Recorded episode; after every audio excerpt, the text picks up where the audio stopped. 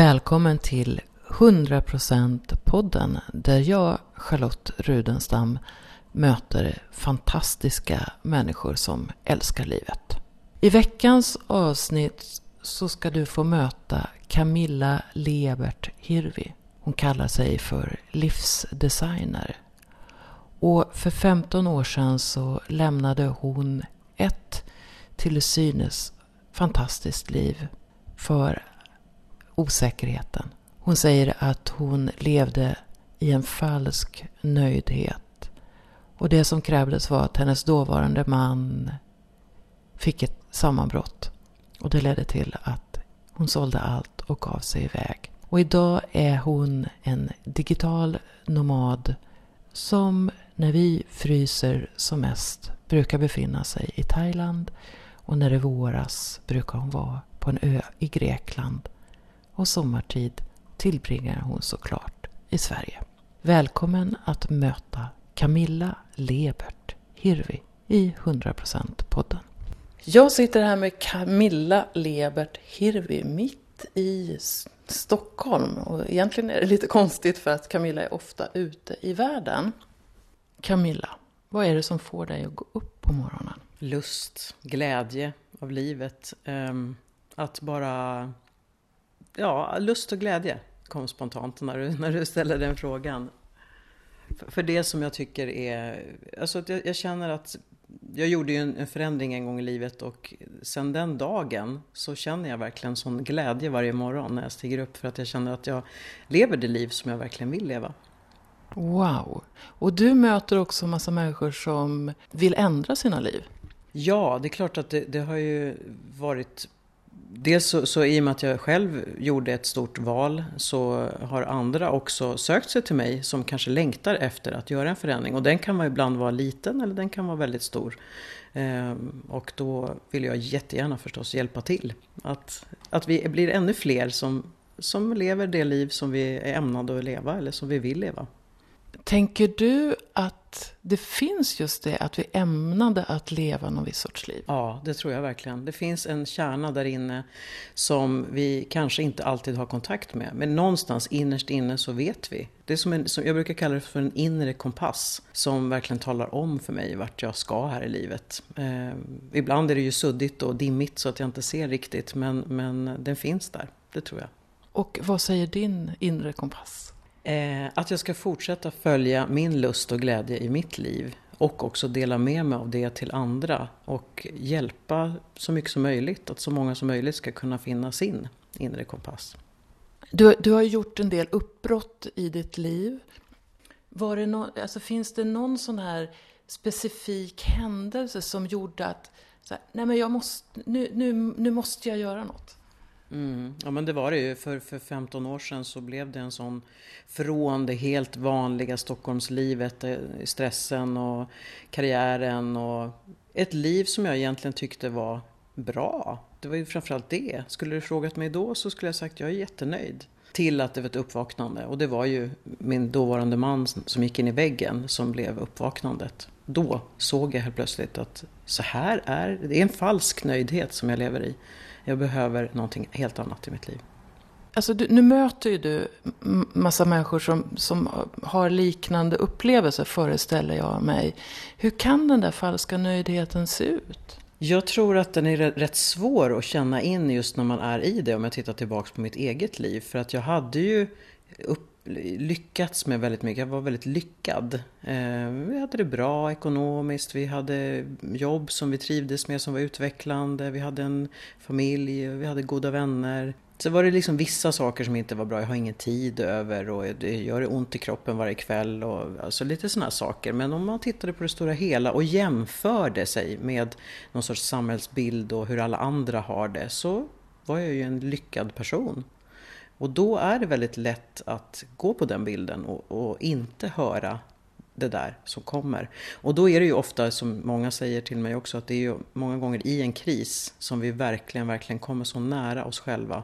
När det är som svårast i vårt liv, som sanningen blir uppenbar. Eh, så att ofta är det just kriser som får, får oss att öppna ögonen ordentligt. Det är min erfarenhet, personliga erfarenhet också. Men det här att veta då, vart ska jag gå? Eh, ni, ni valde då att släppa taget och, och flytta och så. Men hur kunde ni veta vart det var rätt att ta sig? Vi hade ingen aning. Det, precis när det hände så hade vi ingen aning om någonting. Utan det enda vi visste var att vi behövde bara åka bort ett tag. Så att vi åkte på en helt vanlig resa. Och det var så det började. Så i den resan, den två veckors resan, så insåg vi att nej, vi behöver göra en väldigt stor förändring. Eh, och det var där idéerna började komma. Så därför tänker jag mycket att reflektionsavstånd ibland är otroligt nyttigt. När man börjar känna att det knackar på. Apropå den här falska nöjdheten då. Att om ändå det börjar bli en liten sån här, någonting knackar på. Byt miljö och se vad som händer. Alltså rent fysiskt, det var bra att lämna Sverige? Ja, det var bra att lämna Sverige. Eller ibland kanske det, det behöver inte vara bara åka ut i skärgården eller det kan vara någonting annat. Men bara byta helt det, det, den miljö man befinner sig i. Det var bra, för, för oss i alla fall. Hände det att du funderade på, men vad ska andra tänka och tycka? Ja, eh, lite grann. Men eh, framförallt tror jag var sådär pappa liksom. pappa som ändå tycker att jag har lyckats här i livet. Jag är någon, jag har ett yrke som att vara stolt över. Och, ja, hon har landat i sitt liv. Och nu ska jag bryta upp allt detta som vi gjorde då. Det var, nog, det var faktiskt honom. Sen tänkte jag att de andra, de, ja, de flesta av mina nära vänner kommer nog bara förstå och heja på. För de, de finns där. Sen kanske det finns några i någon yttre ring som inte förstår det här och då får det väl vara så. Men oron för vad din pappa skulle tänka hindrade inte dig från att åka? Nej, det gjorde det inte alls. För det, det, alltså, det var så starkt att det här är dags nu. Det är dags. Eh, och då måste jag gå på det. det den intuitionen är så, eh, var så stark. Eh, så att absolut inte någon hinder där. Är intuition ett viktigt redskap för dig idag? Jätteviktigt. Det är, det är nog det jag går på mest. Eh, känns det här rätt eller inte? Och eh, tycker att jag har lärt mig att lyssna på den mycket, mycket mer idag än vad jag gjorde förr. Förr kunde jag ändå ha den här gamla, ja men det här samarbetet som vi ska ha, det är så bra. Jag ser ju hur bra det här kan bli. Och sen ändå känns det inte riktigt rätt. Fast jag kan inte alls peka på varför. Eh, då har jag lärt mig att säga, du, det här går inte. Jag vet inte varför, men av någon anledning ska vi inte göra det här just nu. Eh, och så bara gå på det till exempel. Har du någon känsla av var din intuition bor? Eh, hjärtat och magen. Mm. någon sorts blandning av hjärtat och magen skulle jag säga. Så det är inte huvudet som säger Camilla, det är det här som är rätta vägen? Nej, det är den dialogen som det blir. Huvudet säger att eh, jo, men det här borde vara bra och det här är en person du ska, om jag tar den här samarbetsformen nu, eh, det här borde vara bra, eh, säger huvudet. För på pappret ser det ut, tankemässigt ser det bra ut. Men någonting säger att nej, du ska inte göra det här. Har du, test, har, har, du gjort så någon gång sen de senaste 15 åren att du lyssnade på huvudet och vad fick det i så fall för konsekvenser? Konsekvenserna blir ju att jag får stångas. För då, huvudet tar ju oftast väldigt snäva beslut. Att men det är bara den där vägen som gäller. Och jag har liksom alltid varit en väldigt målinriktad person. Och sätter man ett mål och bara jobbar mot det målet, som jag gjorde rätt mycket förr, så stänger man ju samtidigt massvis med vägar då är det ju bara det jag ser. Och jag, jag får som skygglappar så att jag ser inte någonting. Eh, och jag, skygglapparna framförallt mot hjärtat och, och, magen. Nej men det borde gå. Nej men det där är fel känsla. Nej men jag ser ju att det här är rätt. Det är bara att kämpa på. Och eh, har, har, du då någon gång omprövat något beslut? Och, alltså som du kanske sa, jag började säga ja till och sen bara nej. Ja, nu för tiden gör jag ju det mycket mer. Förr kunde jag gå mycket, mycket längre och det blev motstånd efter motstånd efter motstånd. Nu kan jag känna att antingen innan ens jag gått vidare med idén så kan jag stoppa. Eller om jag går vidare med en idé och så kommer första motståndet. Då gäller det ju att känna in. Det betyder inte att livet alltid är utan motstånd och att ibland kan det vara bra att fortsätta, absolut. Eh, men vad är det här för motstånd? Vad säger det här mig egentligen? Och, och, att stanna upp då och då lyssna på mina andra verktyg, inte bara huvudet utan då är det hjärtat och magen som får säga sitt också. Betyder det att det finns mindre prestige för dig då? Ja, det gör det absolut. För att jag är ju tvungen då att kanske säga nej till något som jag just sa ja till. Vilket kan kännas helt ologiskt eh, från hjärnans perspektiv eller från den andra som kanske jag har involverat i det här dessutom. Men då, då behöver jag bara säga att det känns inte rätt. Jag ser dig som en väldigt levande person. Men också som en, en väldigt energisk person som hela tiden har, eller ganska ofta i alla fall, har nya idéer. Och går man in på din hemsida så är det en fantastisk eh, diverse handel. Det du ägnar dig åt, det är liksom varor i samma anda men det är ändå ganska mycket. Så hur, hur, hur skapar, alltså hur väljer du idag? Ja, det är ju intuitionen egentligen också. Och det kan ju vara någonting som bara händer. Som, som att jag träffar någon eller att jag får en idé eller, eller så. Och det är klart, alltså, jag, jag, är, jag är nog rätt bra på att, att lyssna in, känna in och sen sätta ett fokus. Jag tror det är därför jag har åstadkommit mycket. Att jag, att jag lägger undan allt annat ett tag. Och sen verkligen bara fokusera på en sak i taget. Nu gör jag den här kursen. Liksom. Ja, och så gör jag klart den. För annars så, om jag börjar med de andra tio idéerna som jag också har just nu, så, så blir det ingenting av någonting till slut. Så att jag har lärt mig att fokusera mer, att skala av och verkligen bara göra en sak. Jag tror inte på den här multitasking-grejen. Eh, att sitta och, och, med flera skärmar och titta på TV samtidigt. Det funkar inte alls för mig. Eller, det blir, gör mig splittrad. Jag gör mindre då. Men om jag gör en sak i taget, skalar bort saker som nyheter till exempel har jag ju skalat bort under alla de här åren. Det ger mig ingenting, det, det gör mig bara förvirrad för att jag inte vet vad jag ska göra med det. Men måste jag veta någonting om lokala nyheter, ja då får jag ofta reda på det av någon vän som berättade för mig. Är det någonting stor världsnyhet, så ja, men då får jag också reda på det som kan beröra mig. Så att varför ska jag fylla mig med massa negativt som tar massa energi och tid av mig till exempel? Så att skala bort sådana saker som blir distraktioner. Kan man säga att, att det finns en entreprenörssjäl i dig? Absolut, det är klart att det är. Det tycker jag är jätte, jätteroligt att hitta någonting som kan hjälpa många framåt och ibland är jag lite för tidig har jag märkt. Ibland kan jag komma på någonting som jag är lite för tidig med så jag får vänta in. Eh, men jag älskar att skapa någonting nytt.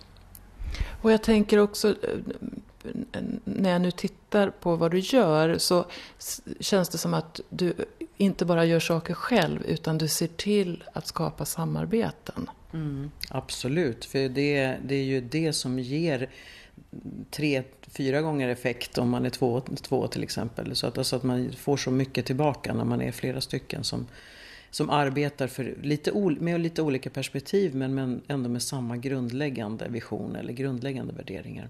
Ett av skälen till att du bytte liv var ju att du var, hade den här nöjdheten och så märkte du att det inte funkade. Och då gissar jag att det fanns stress i ditt liv och för lite tid. Och nu gör du många saker som du gillar. Men vad har hänt med stressen? Jag tror att jag är bra på att eh, när jag stressar så gör jag det, eller stressar, men när jag gör saker, alltså jobbar intensivt så gör jag det bara en kort period oftast. Också i och med att jag bor på härliga platser på en liksom, tropisk Thailandsö eller på en grekisk ö eller sådär. Så är det så lätt att snabbt ta sig till en helt, fullständigt avkopplad miljö. Eh, så jag ser verkligen till att ha den balansen hela tiden och lyssnar väldigt noggrant på mig själv. Och tar inte på mig, vågar säga nej. Vågar lita på att det, att det jag håller på med räcker för det. Att jag inte behöver säga ja till mer. Du är en av de första som jag hörde som kallar sig för digital nomad. Vad är en sån? Ja, det är någon som försörjer sig på nätet och lever ett nomadiskt liv, skulle jag säga. Eh, en del säger att de är digitala nomader men ännu inte har blivit nomader, men har möjligheten till det. För fler och fler börjar ju ha möjligheten till att kunna vara helt platsoberoende. Och det tror jag är en fantastisk utveckling som kommer att komma här nu framöver.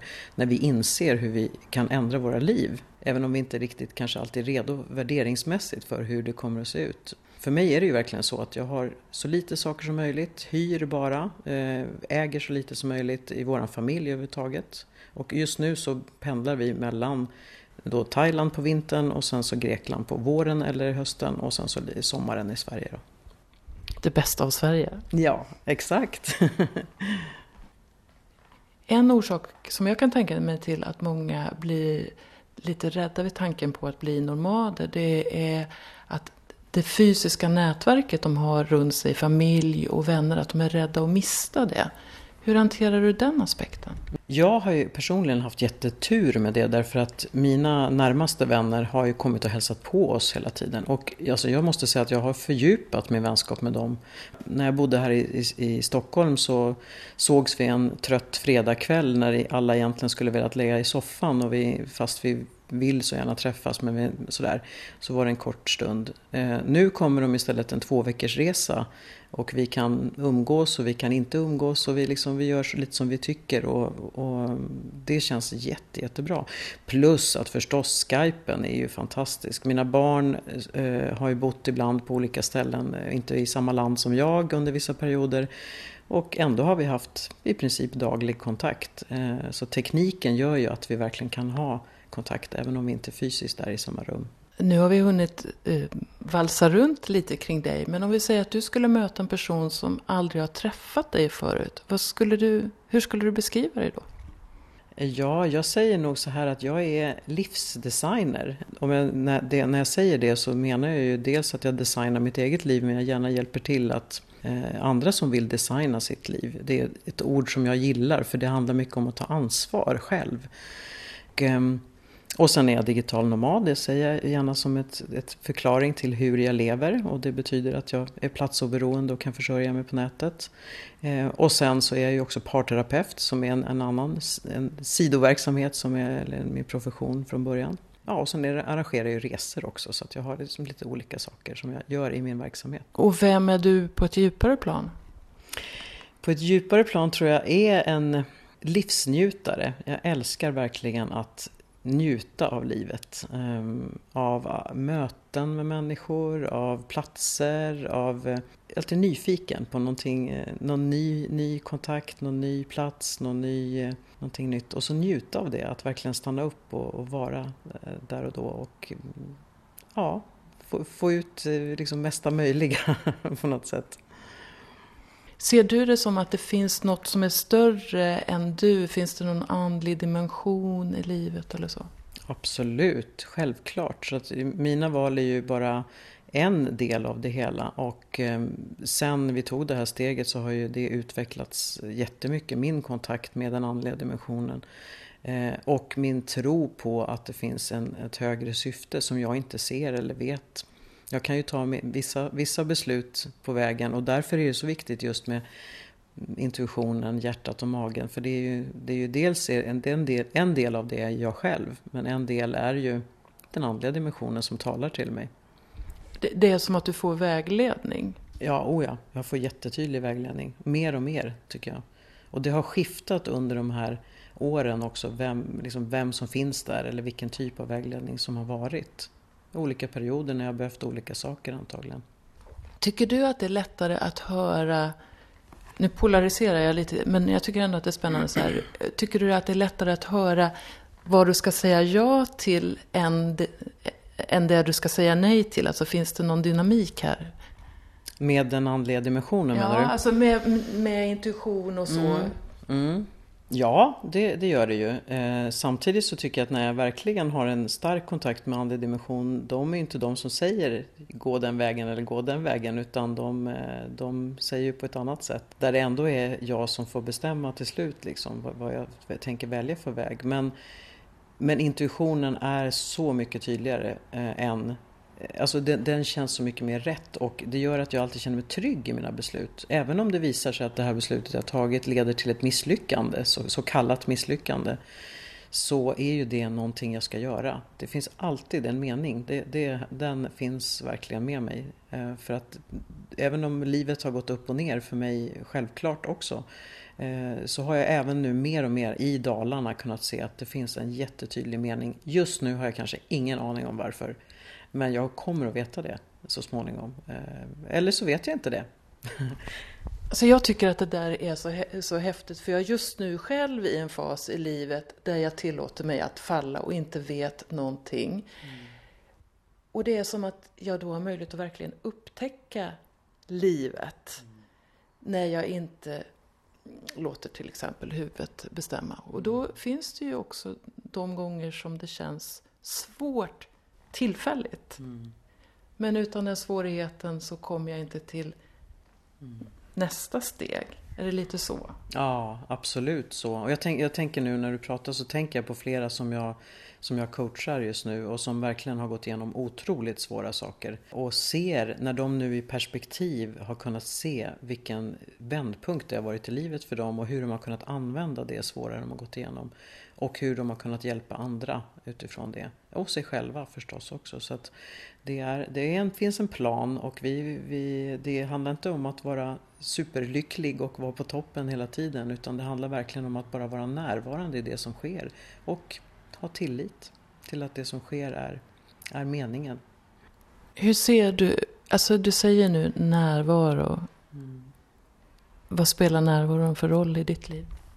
Enormt mycket. Eh, det är, det är det som är närvaron i ett möte till exempel. Är ju, det gör ju skillnaden på om vi verkligen möts eller inte. Eh, närvaron för mig själv, att känna in vad som händer. Det, om jag inte har närvaro kan jag inte känna min intuition. Eh, och då vet jag inte om vad jag har tagit för beslut och hur det har tagits. Närvaro i det som sker gör att jag njuter av livet. Att jag njuter av även det som är svårt och det som är... Alltså upplever det fullt ut. Eh, Så det finns en koppling mellan upplevelse och närvaro. Mm, just det. Och var kommer kroppen in i det här?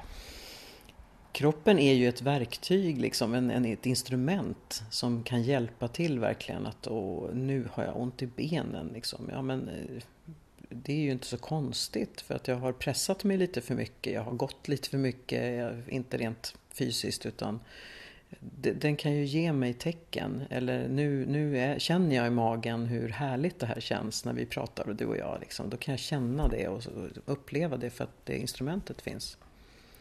Ehm, Ja, som, ett, som, ett, eh, ja, som man kan känna in, liksom, hjälper mig att känna in mer. Ibland så känner jag så här att nu är det tid för mig att ge av mina gåvor till världen. Och jag ser den här podden som en del i det.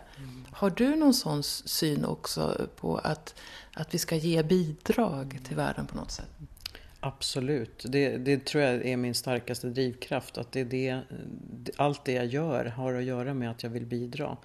Eh, samtidigt som jag självklart själv också utvecklas i allting jag kan ge till andra. Men det, den är väldigt stark och det, och det har att göra med min uppgift. Därför att jag känner att jag har hittat min uppgift. Eh, att jag känner att ja, men det är det här jag ska göra. Det här är mitt varför. Varför jag är här just nu. Eh, och då, då vill jag bidra. Kan, kan du känna, jag bara fick en association att om jag, om jag möter någon där jag känner att det här är bara utifrån en slags egoperspektiv, det handlar inte om någonting annat utan det, eh, då kan jag känna mig mindre intresserad av att, att möta det. Men om jag ser att det finns något mer element i, vi gör det här för Dels för att vi tycker om det själva men också för att det ska ge något mer. Då, då känns det mer genuint och viktigare för mig. Jo, och jag tror, jag tror att någonstans så är det att ge är en så viktig sak för oss människor. Så att vi, det, det, då slår det an på alla strängarna när vi verkligen gör det. När vi ser att det här vi bidrar med, i det lilla eller i det stora, men att det känns så att vi vet att vi bidrar, är en... Det är ett, ett, kanske ett gemensamt varför vi alla har. Om jag säger ordet kärlek, vad får du för associationer då? Just nu fick jag bara värme, jag fick eh, färger, massvis med olika färger. Eh, Jag fick en, en eh, känsla av möten, eh, sanna möten. Kärlek är för mig att mm, icke-dömande möta en annan människa, att känna kärlek. Det kan vara det kan vara till en partner, det kan vara till en vän, det kan vara till en bekant bara som man träffar. Men kan, som man verkligen kan känna kärlek till också. I, i, på olika sätt. Jag ägnar mig åt att sprida ord om kärlek och jag tror att det här med kärlek ur, ur en, med ett, när man ser på kärlek, medmänsklighet och något vidare så, så tror jag att det är väldigt viktigt idag när vi lever i en värld där många är rädda på olika sätt. Tänker du att ditt arbete också är ett kärleksarbete? Mm, absolut vill jag tänka så. Det är klart att, det, att jag vill bidra på det sättet. Och det är ju två motpoler som finns hela tiden i, i oss själva och i världen som ha, handlar om kärlek och om rädsla. Och jag, jag är jättenoggrann med att försöka känna in vad som händer med mig själv när jag blir rädd. Eller när, när andra negativa känslor dyker upp i mig. Till exempel i, i något möte med någon eller med någon situation eller sådär. Eh, vad är det som händer? Och, och, verkligen inse att det finns en motpol, det finns kärleksperspektivet. Eh, och det där tror jag har utvecklats jättemycket i mig i att, att välja kärlek mycket mer. Att, att jag faktiskt aktivt kan välja det också. Om du tänker dig att någon av de som, eller kanske många av de som lyssnar, eh, är i den här falska eh, nöjdheten just nu. Finns det något sätt som de skulle kunna liksom sticka hål på det genom att reflektera över någonting sådär så här? Ja, eh, jag tycker så här. Det finns ofta så, jag brukar säga att första steget kan vara att skala av. Alltså det är en sån här favoritgrej jag har, att verkligen skala av. Och då kan man göra det på många olika sätt. Antingen materiellt eller tidsmässigt. Ge sig själv, skapa mer tid. För om, om det känns som att det kanske är något som knackar på då har jag antagligen inte gett mig själv tid till att känna in det eller tänka igenom det eller vad det nu är jag behöver göra. Eh, så skala av så att jag får, får det renare i mitt liv på något sätt så att jag börjar komma i kontakt med det som är sant i mig igen. Det andra är det är två frågor tycker jag för att kunna, kunna hitta sig själv ordentligt i sin falska nöjdhet och det är Vem är jag egentligen? Och vad vill jag? Så det, det, det är många gånger de två så enkla frågorna som, som också så svåra frågorna som verkligen kan ge oss svaret på Är jag på rätt ställe just nu? Vad behöver jag just nu? Vad, vad, vilken roll spelar saker som meditation, yoga och liknande för dig? Mycket. Eh, yoga är ju eh, jätteviktig för mig för att den, den får ju mig att vara fullt ut närvarande. Ett mer ansträngande, jag gillar ju liksom att få ut energi så, där, så därför så är rörelsen ganska viktig för mig. Men yoga är ju meditation i rörelse och när jag är på yogamattan och får göra något som är lite utmanande så går det ju inte att tänka på någonting annat. När du står i en balansposition så kan du inte stå och tänka på något annat utan du är tvungen att vara där. Så det hjälper fokuset. Eh, och sen är det ju så att det, som du är på yogamattan så är du i livet. Så du kan titta på dig själv på yogamattan och se jag är den där som pressar mig för mycket alltid, då kan jag lära mig att känna in mig själv och säga att jag borde stoppa tidigare. Är du den där som alltid ger upp alldeles för tidigt, du skulle kunna göra lite till, eh, ja då kanske du kan träna på det. Man kan liksom börja med att träna på, med sig själv på yogamattan och det kommer att spilla över i livet. Eller kanske tvärtom, men, eh, men att de hänger ihop. Det är ganska intressant tycker jag. En möjlighet till självreflektion Verkligen, verkligen. Och se vad som händer, för ibland är det ju saker som händer även i, på yogamattan som man inte har en aning om. Eh, var kommer det här ifrån? Varför blev jag så här ledsen eller arg helt plötsligt? Eller varför blev jag så irriterad på hon som står bredvid här? Eller, det, det kommer en massa saker. Som, som, för att rörelserna i sig kanske hittar låsningar i, i min kropp som ju är mitt verktyg som jag har låst inne. Eh, och då händer det ju spännande saker. Du släppte ju det mesta då för 15 år sedan och du, och du pratar om att skala av. Så hur tungt bagage reser du med? Eh, när vi åker till Thailand så har vi varsin resväska med oss. Eh, och vi, här i Sverige har, har, vi några kartonger ståendes för när vi hyr olika boenden så är det alltid några saker vi ändå behöver så att säga. Så att vi försöker verkligen varje gång titta igenom och sen vänta nu kan vi sälja det här. Vi har liksom kontakt med sådana här som eh, second hand-affärer som man dels kan sälja tillbaks till och man kan köpa så det blir nästan som att vi hyr saker. Ehm, men några kartonger har vi som står här i Sverige eh, för här behövs det ju lite mer saker. Eh, och i, Sverige, och i Thailand och Grekland är det ju bara en resväska som, som behövs. Finns det någon, någonting som representerar detta är mitt hem, någon pryl som du vill ha med? Ja, den, där, den där grekiska statyn som står där, det är en, en, kvinno, en naken kvinnokropp eh, utan, ah, utan huvud och, och, så. den eh, betyder mycket för mig och den, den, det är så här, den har alltid varit med. Eh, så den tar jag med mig och eh, sätter upp var jag än är och då, då har jag flyttat in där. Wow, det låter så, det, det, det låter så skönt. Vad, vad var det lättast att göra sig av med? Eh, ja, allt det där onödiga som jag inte ens visste vad det var i olika kartonger någonstans. På den tiden vi hade liksom ett stort hem med alla möjliga saker. Vi hade tagit över dessutom av ett äldre par som hade en hel förråd fyllt med massa saker och verktyg och grejer. Så det, det var ju hur lätt som helst. Sen började det komma närmare och då var det ju ja, rent praktiskt möblerna, ja de behövde vi inte för vi skulle ändå åka. Och, bröllopspresenterna, vad ska folk säga? De har gett oss de här som bröllopsgåva, de blir kanske jätteledsna när vi säljer det här. Fast vi visste att alla förstod ju varför vi gjorde det här valet. Så då eh, släppte vi taget om det. Så eh, jag vet inte, just då var det så lätt att sälja det mesta. Det, det, det var mer målet att verkligen stå där men med bara det man kunde bära som, som var så starkt. Så att då var allting lätt. En sak som jag läser in mellan dina rader, det är att en sak att släppa vad, vad andra människor tycker. Mm. Mm.